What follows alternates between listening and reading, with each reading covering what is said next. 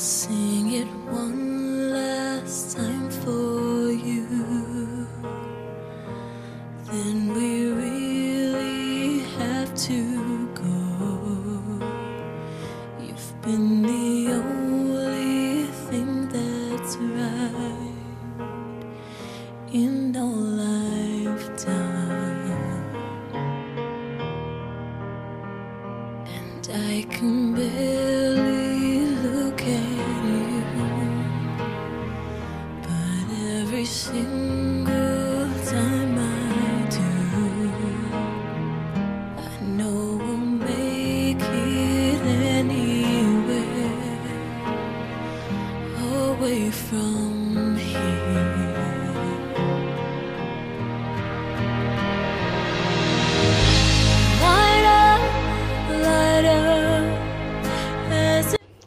Hello, everyone. This is Deborah McPhillamy, all the way from Cape Town, South Africa.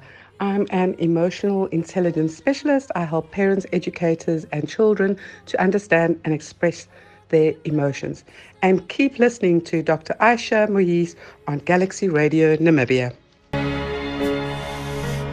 think I might not see those eyes makes it so hard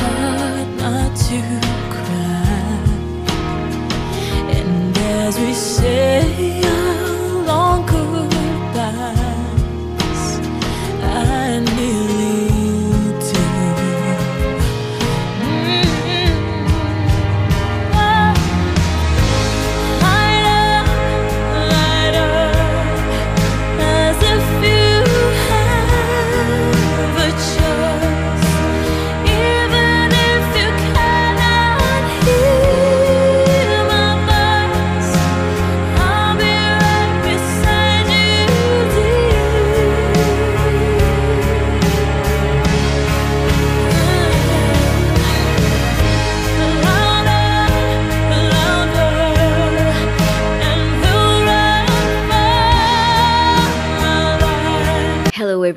this is Dr. Aisha Moise on Galaxy Radio Henty Spain Namibia with our topic emotional intelligence as for today for our Galaxy Facts segment. Now we have somebody very special all the way from Cape Town, South Africa who is an emotional intelligence expert or specialist. Now we'd like to ask some questions um, from her to make clear what is emotional intelligence and how could you apply that to your daily life and make yourself a better person to make your relationships around you better and to help you understand yourself and others their emotions in a much better way a very warm welcome to you, Deborah McPhillamy. All right, to begin with, Deborah, we'd like you to first throw some light on what is emotional intelligence. How would you actually define emotional intelligence? We know a lot of books have come out by Daniel Goleman and many others. So, what according to you is emotional intelligence? And we'd also like you to tell us how do we know if someone is emotionally intelligent or not? How do we know if someone has a high emotional intelligence? We also would like to know what is the difference between IQ and EQ, where IQ stands for intelligence quotient and EQ stands for emotional quotient. Is it possible for someone to have a high IQ but low EQ and vice versa?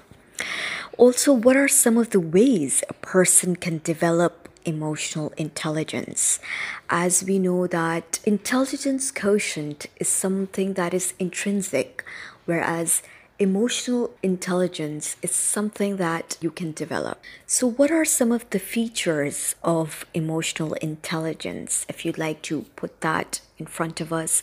And also, what are some of the diverse cases as an emotional intelligence expert, specialist you get, and how, what are some of the tools that you use to treat them? Is developing emotional intelligence a good way uh, to prevent bullying or to help bullies or those being bullied itself. After that, moving on towards the course that you did from the United States of America, in which you have studied how nutrition affects your health.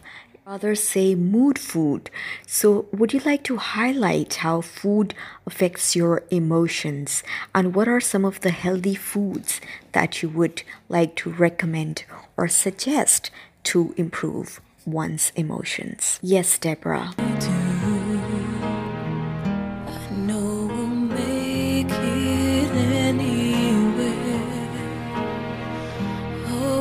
from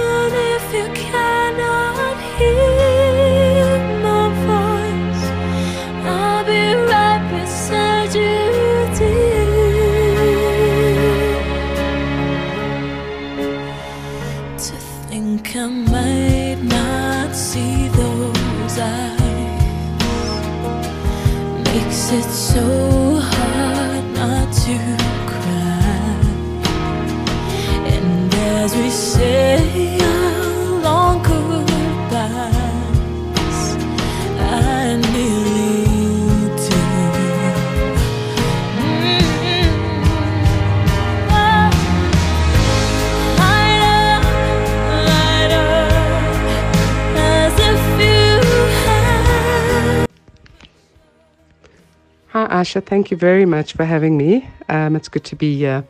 So, what is emotional intelligence? Well, you know what? It's actually quite simple. And emotional intelligence is really just about understanding your emotions, why you have them, what you can do with them, how to express them. Um, you know, because we're all born with emotions every single one of us, but historically we have been taught to suppress our emotions, not show our emotions. We've been told that it's wrong to feel angry, show anger. Um, we shouldn't feel scared. Um, we shouldn't feel sad. We shouldn't cry. There's all these things that we've been brought up with, to, you know, been told we shouldn't do. But the thing is, emotions are such a natural part of us. Um, you know, because if you think about it this way, if you didn't have emotion, what would you be? You could just be a goldfish in a, in a goldfish bowl because you wouldn't feel anything. So we have good emotions and we have bad emotions. Our good emotions are obviously there just for us to enjoy, just to make life pre- pleasurable. We feel happiness, we feel love, um, and it makes us feel good. And our feelings that make us feel uncomfortable, though, are more important because these are the emotions that actually tell us that something is wrong, and it's it's usually to do with that we're being we're off track with who we are. Um, we're living according to other people's values, not our own values. Um, possibly our purpose is, you know, we're not living on purpose. So we're living a purpose that is designed by somebody else. A lot of times, you know, we grow up with parents that say, well, you should become a doctor or you should become an engineer or you should become a teacher. And you just kind of do it because you've been told to do it, not because there was a desire to do it. And often, um, you know, if you find that case that you're going to a job and you're feeling uncomfortable feelings and you're not feeling happy, that is telling you that you're not in the right profession. So, emotions are very, very, very important. Our emotions also, also tell us when we are unsafe because intuition is such an important factor today and our intuition can really guide us and lead us and keep us safe. And specifically when it comes to children you know if, if we teach our children how to tune into their intuition they will obviously be a lot safer and stay away from certain circumstances and situations. But in order for you to tap into your intuition, you need to know what your feelings are and what they feel like, because often fear is seen as intuition, which it's not. Um, so yes, emotions are very important, and then also when it comes to our medical health, um, you know, stress plays a massive role. And if you are suppressing your emotions or you're not expressing your emotions, this can be t- turned into stress. Um, that it can make us feel anxious. So it's very, very important to be able to identify and express our emotions. And that's all emotional intelligence really is. It's about learning about your different emotions, and there's there's hundreds of different emotions, and there's, and there's different levels of your emotions, and then knowing what to do with them, how to express them, how to understand yourself. Um, um, the other thing about um, emotions is it's, it's also a form of energy because if you think about it, you know, when you have an emotion, you are inspired to move or act based on that emotion. So they are a form of energy. Um, and that is the slight difference between feelings and emotions because the feelings are, um, you know, you feel something and then it turns into emotion and then you act based on that feeling and that's your emotion. So, in a nutshell, that's what emotional intelligence is. And also, just to explain a little bit more about where your emotions come from, they obviously come from your perceptions of what is happening in your life. So if you're looking at an event, if you're listening to something, if you're experiencing something, you know, that information comes through your senses. It then becomes a thought. The thought becomes a feeling, and the feeling becomes an emotion. But your thought is based on your interpretation of your event. And what happens though, your interpretation is often based on the past. So because your your you know your brain works in pictures and memories. So, if something happened to you, whether it was a small trauma or a big trauma when you were a child, that information is stored in the emotional brain um, and more specifically in your amygdala. So, when you then have or experience another event or see something that is similar to what has happened in the past, that inspires an emotion, but that emotion is based on the past and not on the present. And so this is the most important thing to learn when you know when I teach people about emotional intelligence is about identifying whether that emotion that you are feeling is based on the past or based on the present. And that's the whole process of becoming emotionally intelligent, learning what the difference is. Um, so yeah, that's what EQ is all about. So how you know that when somebody is emotionally intelligent or intelligent or has a high level of emotional intelligence is when they are self-aware. Now, obviously not self-conscious because that that's a very different thing, but self-aware meaning they are aware of how their actions are based on their emotions. They're very aware of their emotions. They're very aware of their behavior. They know what they feel, why they feel it, and what to do with it. And you can always tell how people react um, to people who are emotionally intelligent. Now, the quickest way that you can find out if somebody doesn't have a high level of emotional intelligence is if they blame other people. They they blame circumstances, they blame the government, everybody else is to blame for their behavior. They don't take ownership or responsibility of their own behavior. That's when you know that somebody has a low level of emotional intelligence. And following on from that as well, that, you know, when you are emotionally intelligent, you know how to cope with your emotions. You're able to self soothe. Um, you're able to calm yourself down. You're able to wait, be patient until you express yourself instead of just acting out based on what is going on right there and then. You you stop and think, you know, before you act. That's another way of identifying whether you have, you know, a good level of emotional intelligence other people, you know, or should I say people who have a lower emotional intelligence are they get so overwhelmed with their emotions. They don't know how to calm themselves down. They get into states of panic. They get into states of anxiety very quickly. Um, they have panic attacks. They just don't know what to do with those overwhelming feelings of emotions and they tend to withdraw themselves from society. But it's also, you can look at relationships because, you know, somebody who gets on really well with other people, um, who's easy to be with, those are generally people that have high levels. Um, people who isolate themselves, push other people away, are fearful of people, are generally people who have a lower level of emotional intelligence. The difference between IQ and EQ is that IQ is your intellectual quota. So, obviously, how intelligent are you? How are you able to absorb information, knowledge? Um, you know, just I mean, I think everybody understands what intellectual quota is.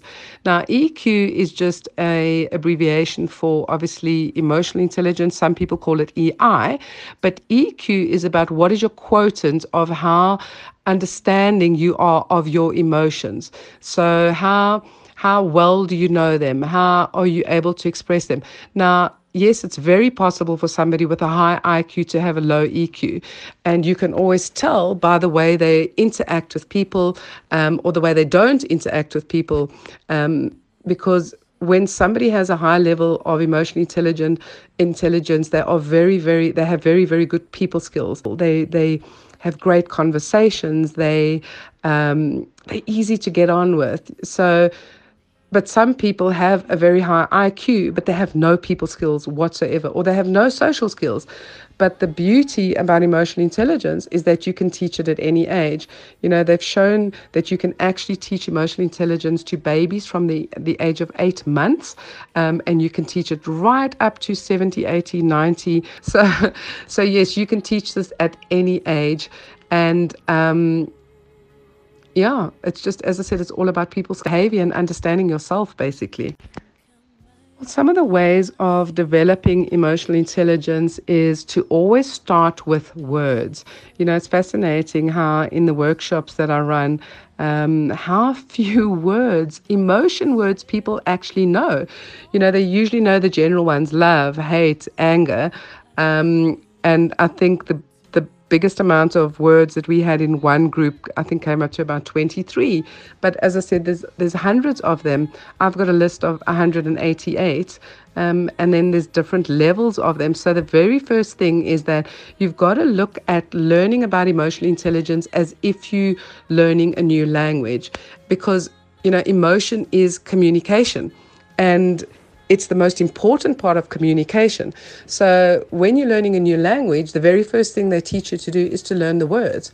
So, and if you go onto the internet and you go Google, you will find loads and loads of images of emotion words that you can find. You can print it out, stick it up on your fridge, stick it up on your computer, stick it up somewhere, and every day just learn two new words. So discover what the words are, what their meaning is, you know, because that is always a good start. Because once you get that, you have your vocab or you have your emotion vocab, if when you increase that, you can then start identifying things um, and you can start understanding what your emotions are because it, there's no use in just knowing what five different emotions are because there's there, there's so many different scales within those words. So that's the first thing that i would suggest. The second thing is to become self-aware. Become aware of your own actions become aware of why you do certain things because you know we learn to do things unconsciously. We're so programmed to just react in a certain way. We form habits we form routines and we just kind of do it. Um, one of the the most amazing ways to become aware of your emotions is through music. And First of all, because obviously the song that you're listening to might be full of emotion. The person who wrote it, the person that's singing it, is singing it with a certain emotion. Secondly, that happens if, for instance, it ignites a memory. So if um, maybe you lost a loved one, you lost a pet, and that song was playing in the background, that would then give the same emotion as what you had experienced when you heard that piece of music. So that's another very, very good way of um, becoming aware of your emotions. So as I said, the words, the music, becoming self-aware, looking looking at your reactions, um, why you're doing certain things, why are you acting out? Why are you becoming angry? Stop and think and say to yourself why am i why am i behaving this way? Why am i shouting right now? Why am i you know hitting my fist against the wall, whatever the, the case may be, um, stop and ask yourself why you're doing that. Because as I said, we just do things on automatic. So those are three ways that you can start learning to become more self aware of what you're feeling in your body and why you're reacting based on that feeling that you're experiencing. One of the worst cases I had was a little girl had been diagnosed with ADD, um, ADHD, and you know she her mom came to me and she said, the school does not want her to be in the classroom anymore. They want me to medicate her and they want me to put her into a special school. And she said, please, will you be able to help her? Can you see her? Can you see if this is actually the case? Is there something you can do about it? Um, you're my last resort before I have to put my little girl into a special needs school, and I don't want to do that. And anyway, and this little girl came to me, and I did a six week course with her and various other children. And one of the tools that I use with children, especially, is that they sit in a little circle and I give them each a mirror and then they've got to pass the mirror around, but they've got to look at themselves in the mirror, and then they've got to tell me everything they like about themselves and everything they don't like about themselves. And the mirror had got to this little girl, and she looked in the mirror and she said, I don't like anything about myself, and I'd like to change everything about myself. And I said to her, Well, why do you say that? And she said, Because I'm stupid. And I said, But you know, who told you you're stupid? And she said, my teacher told me I'm stupid. And I said, why is that? And she said, well, because I can't do maths. And so I am stupid. Um, and basically I said to her, well, what are you good at? And she said, well, I'm really good at geography. Um, I'm really good at whatever else the subjects were. And I said to her, well, you know what? I'm terrible at maths. Do you think I'm stupid? And she said, No, you're not stupid. I said, Well, there you go. Sometimes, you know, some of us, we um, are good at certain things, and sometimes we're bad at other things, but doesn't make us stupid. It just means that we're good at some things and we're not good at other things. And, you know, that little girl's perception of herself changed so radically that her ADD, as they diagnosed her, just simply disappeared. Because what was happening was that she felt so stupid and she felt so uncomfortable in her own skin that it made her hyperactive. So she was constantly moving around. She, she just, as I said, she felt uncomfortable in her own skin. She never went to that special needs school and she never had to go onto any Ritalin or any kind of medication. So that for me was just a, an extreme example of just how badly children can be diagnosed with a condition that they don't have in the first place because it's just an emotional expression or an unease of their emotions and how they feel about themselves because of something a teacher said and and you know this is I just want to make this point right here is that words are so powerful and there's so many adults that don't realize just how powerful their words are and specifically when working with younger children um, I've had a, a, lot of other studies as well, or a lot of people that I've worked with, um, should I say, a lot of case studies. Um, but that one has always, you know, it's always what's the word? It's always stood out in my mind because it was just such an incredible transformation of something that had happened um, that could have been alleviated so quickly. Bullying is something that's very, very close to my heart in terms of helping children that have been bullied or children who have become bullied, uh, bullies, should I say. Um, I was bullied at school. You know, I loved, loved, loved school. Um, as I said, one of my passions is learning. Um, and I was bullied by a teacher. I was picked on by a teacher at the age of nine. Um, I was bullied at home. And, you know, it changed my life so much that I became so anxious. And something that I loved so much, being school, became a nightmare for me. It just, it just, it was just awful. And you know, eventually I left school, but I, I'd gone to a couple of schools and it, and it almost felt like bullying was following me around because I didn't know how to change it, you know, because when somebody bullies you or somebody calls you a bad name and you believe it, it changes your body language, it changes your internal view of yourself. And then you start feeling uncomfortable in your skin. You walk differently, you act differently, you sit differently. And human nature is that you are going to pick on the weak. It's just something that, you know, it brings it out in some people where they have this way of wanting to pick on other people. And when you are a victim of bullying or you become a victim of bullying based on that first experience, this is something that then perpetuates over and over again. It's just, as I said, it's unfortunately, it's human nature. And it was only when I changed my mindset and changed my internal view of myself and started feeling comfortable with myself, and as well as releasing those old memories and the, that old trauma, that my life experience changed and I was no longer bullied. But as I said, I was bullied as an adult as well, and, and also went into quite a few relationships of domestic violence, which I think would have not happened, or I believe, and science shows would not have happened if I had recovered from um, the bullying that I'd experienced as a nine year old. Now, my children experienced exactly the same thing when they were at school, they were both bullied. Um, and my son was at school with a bully um, that used to bully him on a regular basis. And this bully eventually took his own life.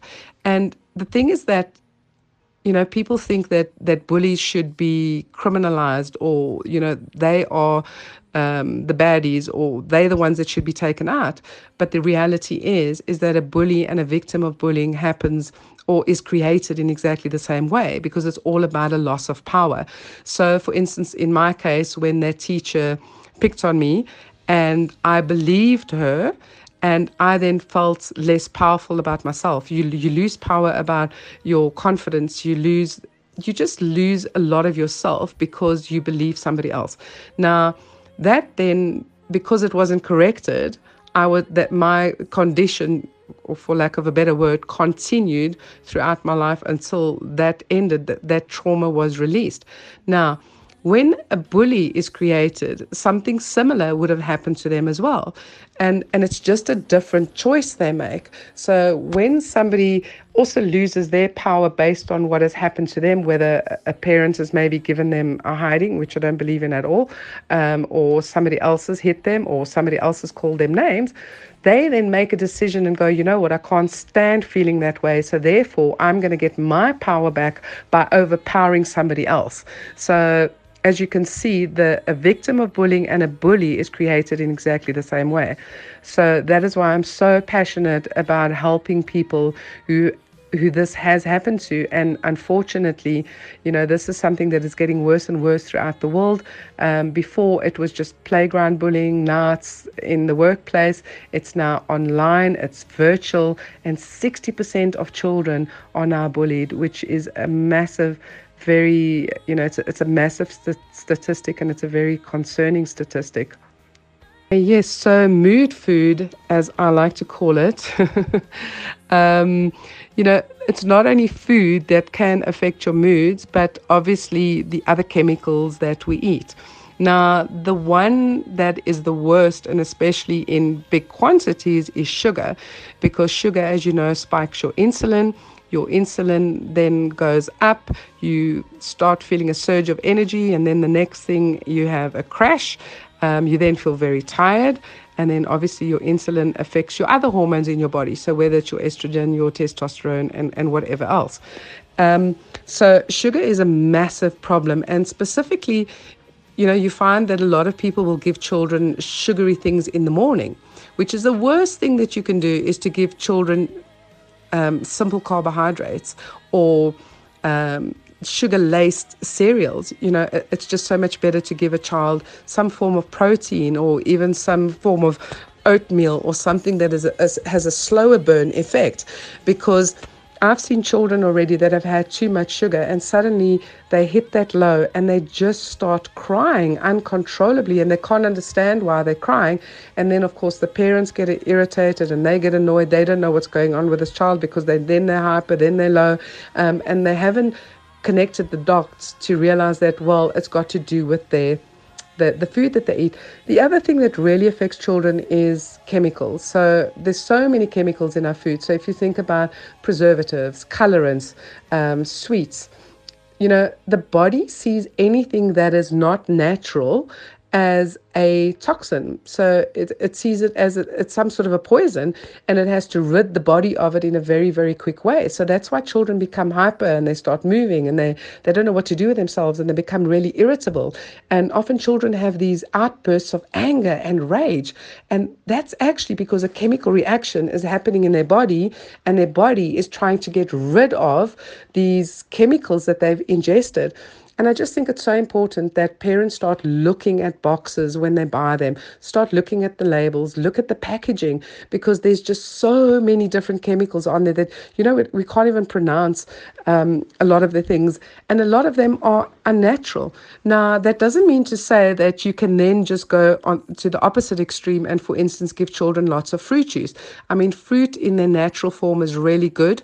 Um, but when you take fruit and you juice it, you actually now now turning it into pure sugar, and you can have those same simple, um, you can have those sugar spikes that I spoke about before. So it's very important to make sure that, you know, when you're feeding your children, make sure that they're getting lots of, lots of good, healthy fats. You know, omegas are so important for the brain, and they've just shown that you can use omegas to calm the brain down instead of using all these horrible other pharmaceutical drugs that they use. You know, give them eggs in the morning, give them oats in the morning, give them other forms of protein, um, give them natural sugars. And, and if you are going to give them natural sugars, you know, for instance, like dates and date syrup, and um, but make sure that you are mixing them with, um, you know, complex carbohydrates or that, they, that their meals are balanced. But the worst thing you can give to children are these simple com- com- carbohydrates that are burnt up very quickly in the body and it's going to give them those sugar sugar spikes not only that you know it, it affects other parts of their um, their moods. For instance, children can become really depressed and they don't realize, I think a lot of people don't realize that their children can also have mental health issues. And your mental health issues come from the way you're feeling, and your feelings often are affected by your food and chemicals. The other thing that is quite important is that environment also has a massive effect on people's moods and emotions. So, chemicals in the house, for instance, um, fly spray, um, perfumes, aftershave, all of those can affect people's moods because if they're toxic and you're inhaling them, you know, they're in your environment, then once again, it's going to make your body agitated. It's not going to recognize it. It's going to form a massive chemical reaction as the body tries to expel it um, from your body. You then have these weird forms of emotions and, and moods that happen because of that. So, very, very important to look at your environment, have a clean environment, um, clean eating, and also just to eat as natural as possible.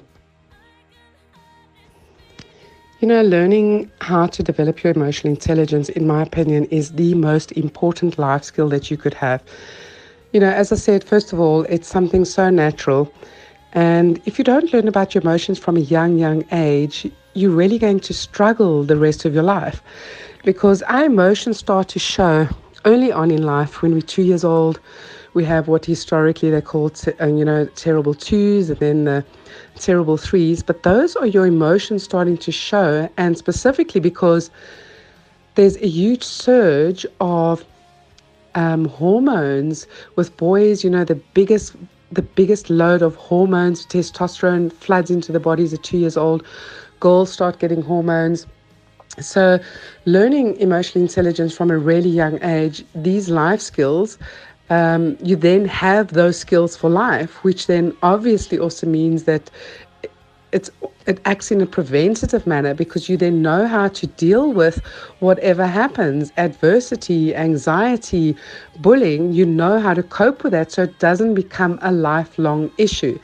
You know the one thing about learning about emotional intelligence at, a, at an older age is about you've got to understand how the mind and the body works together because a lot of our emotions come from our memories as I said, and what we do in our online training is very much about how you can change those memories, eliminate those memories, so that you don't have these emotions later in life.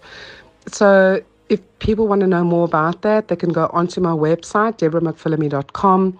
Um, I have a new book coming out called Emotion Communication from the Heart. Um, I also have an EQ Essentials course where people can sign up, and you know we've really made it available and affordable and accessible to all people. So you can find information about that on there. We also have a training course that helps parents and educators to teach emotional intelligence to children. Um, but it really, really is a vital life skill. And as I said, in my opinion, it's the most important course that you can do. And not only that, you know, the, the thing about emotional intelligence is it enhances your relationships. It changes your health. It changes every single thing about your life. So, as I said, in my opinion, developing your, your emotional intelligence is the most important thing in life. So thank you, Aisha. Thank you for this opportunity. And um, as I said, reach out, find me on Facebook, go onto my website, and you'll find lots more information there to help you on your journey of becoming emotionally intelligent. Uh, thank you very much, Deborah McPhillamy, for being on my Galaxy Facts segment. It was totally amazing having you. And to summarize, I think all of you, it's a good step to go towards your psychiatrist so he could help you with your emotions by giving you some medications if you feel emotionally depressed or sad at times. But alongside, as soon as the effects of those medications wear off, you stop taking those medications, uh, then you're back to being the same anxious, depressed, full of anger, a lot of other such emotions like that you cannot deal with. So, what you should do is try to become emotionally intelligent. Train yourself, train your emotions, and uh, try erase bad memories of your mind. So, it's good to visit an expert like Deborah McPhillamy who could help you express your emotions in a better way, even if you're off medications, so that when you're not on medications, you don't have those bad memories Psychiatric medications have a wide range of side effects, especially if you've been using them for a very long time. Therefore, train yourself to be able to heal yourself naturally with emotional intelligence. Develop and become emotionally intelligent with people like Deborah McPhillamy. Right now, this is all for my Galaxy Facts segment. Until next time, goodbye.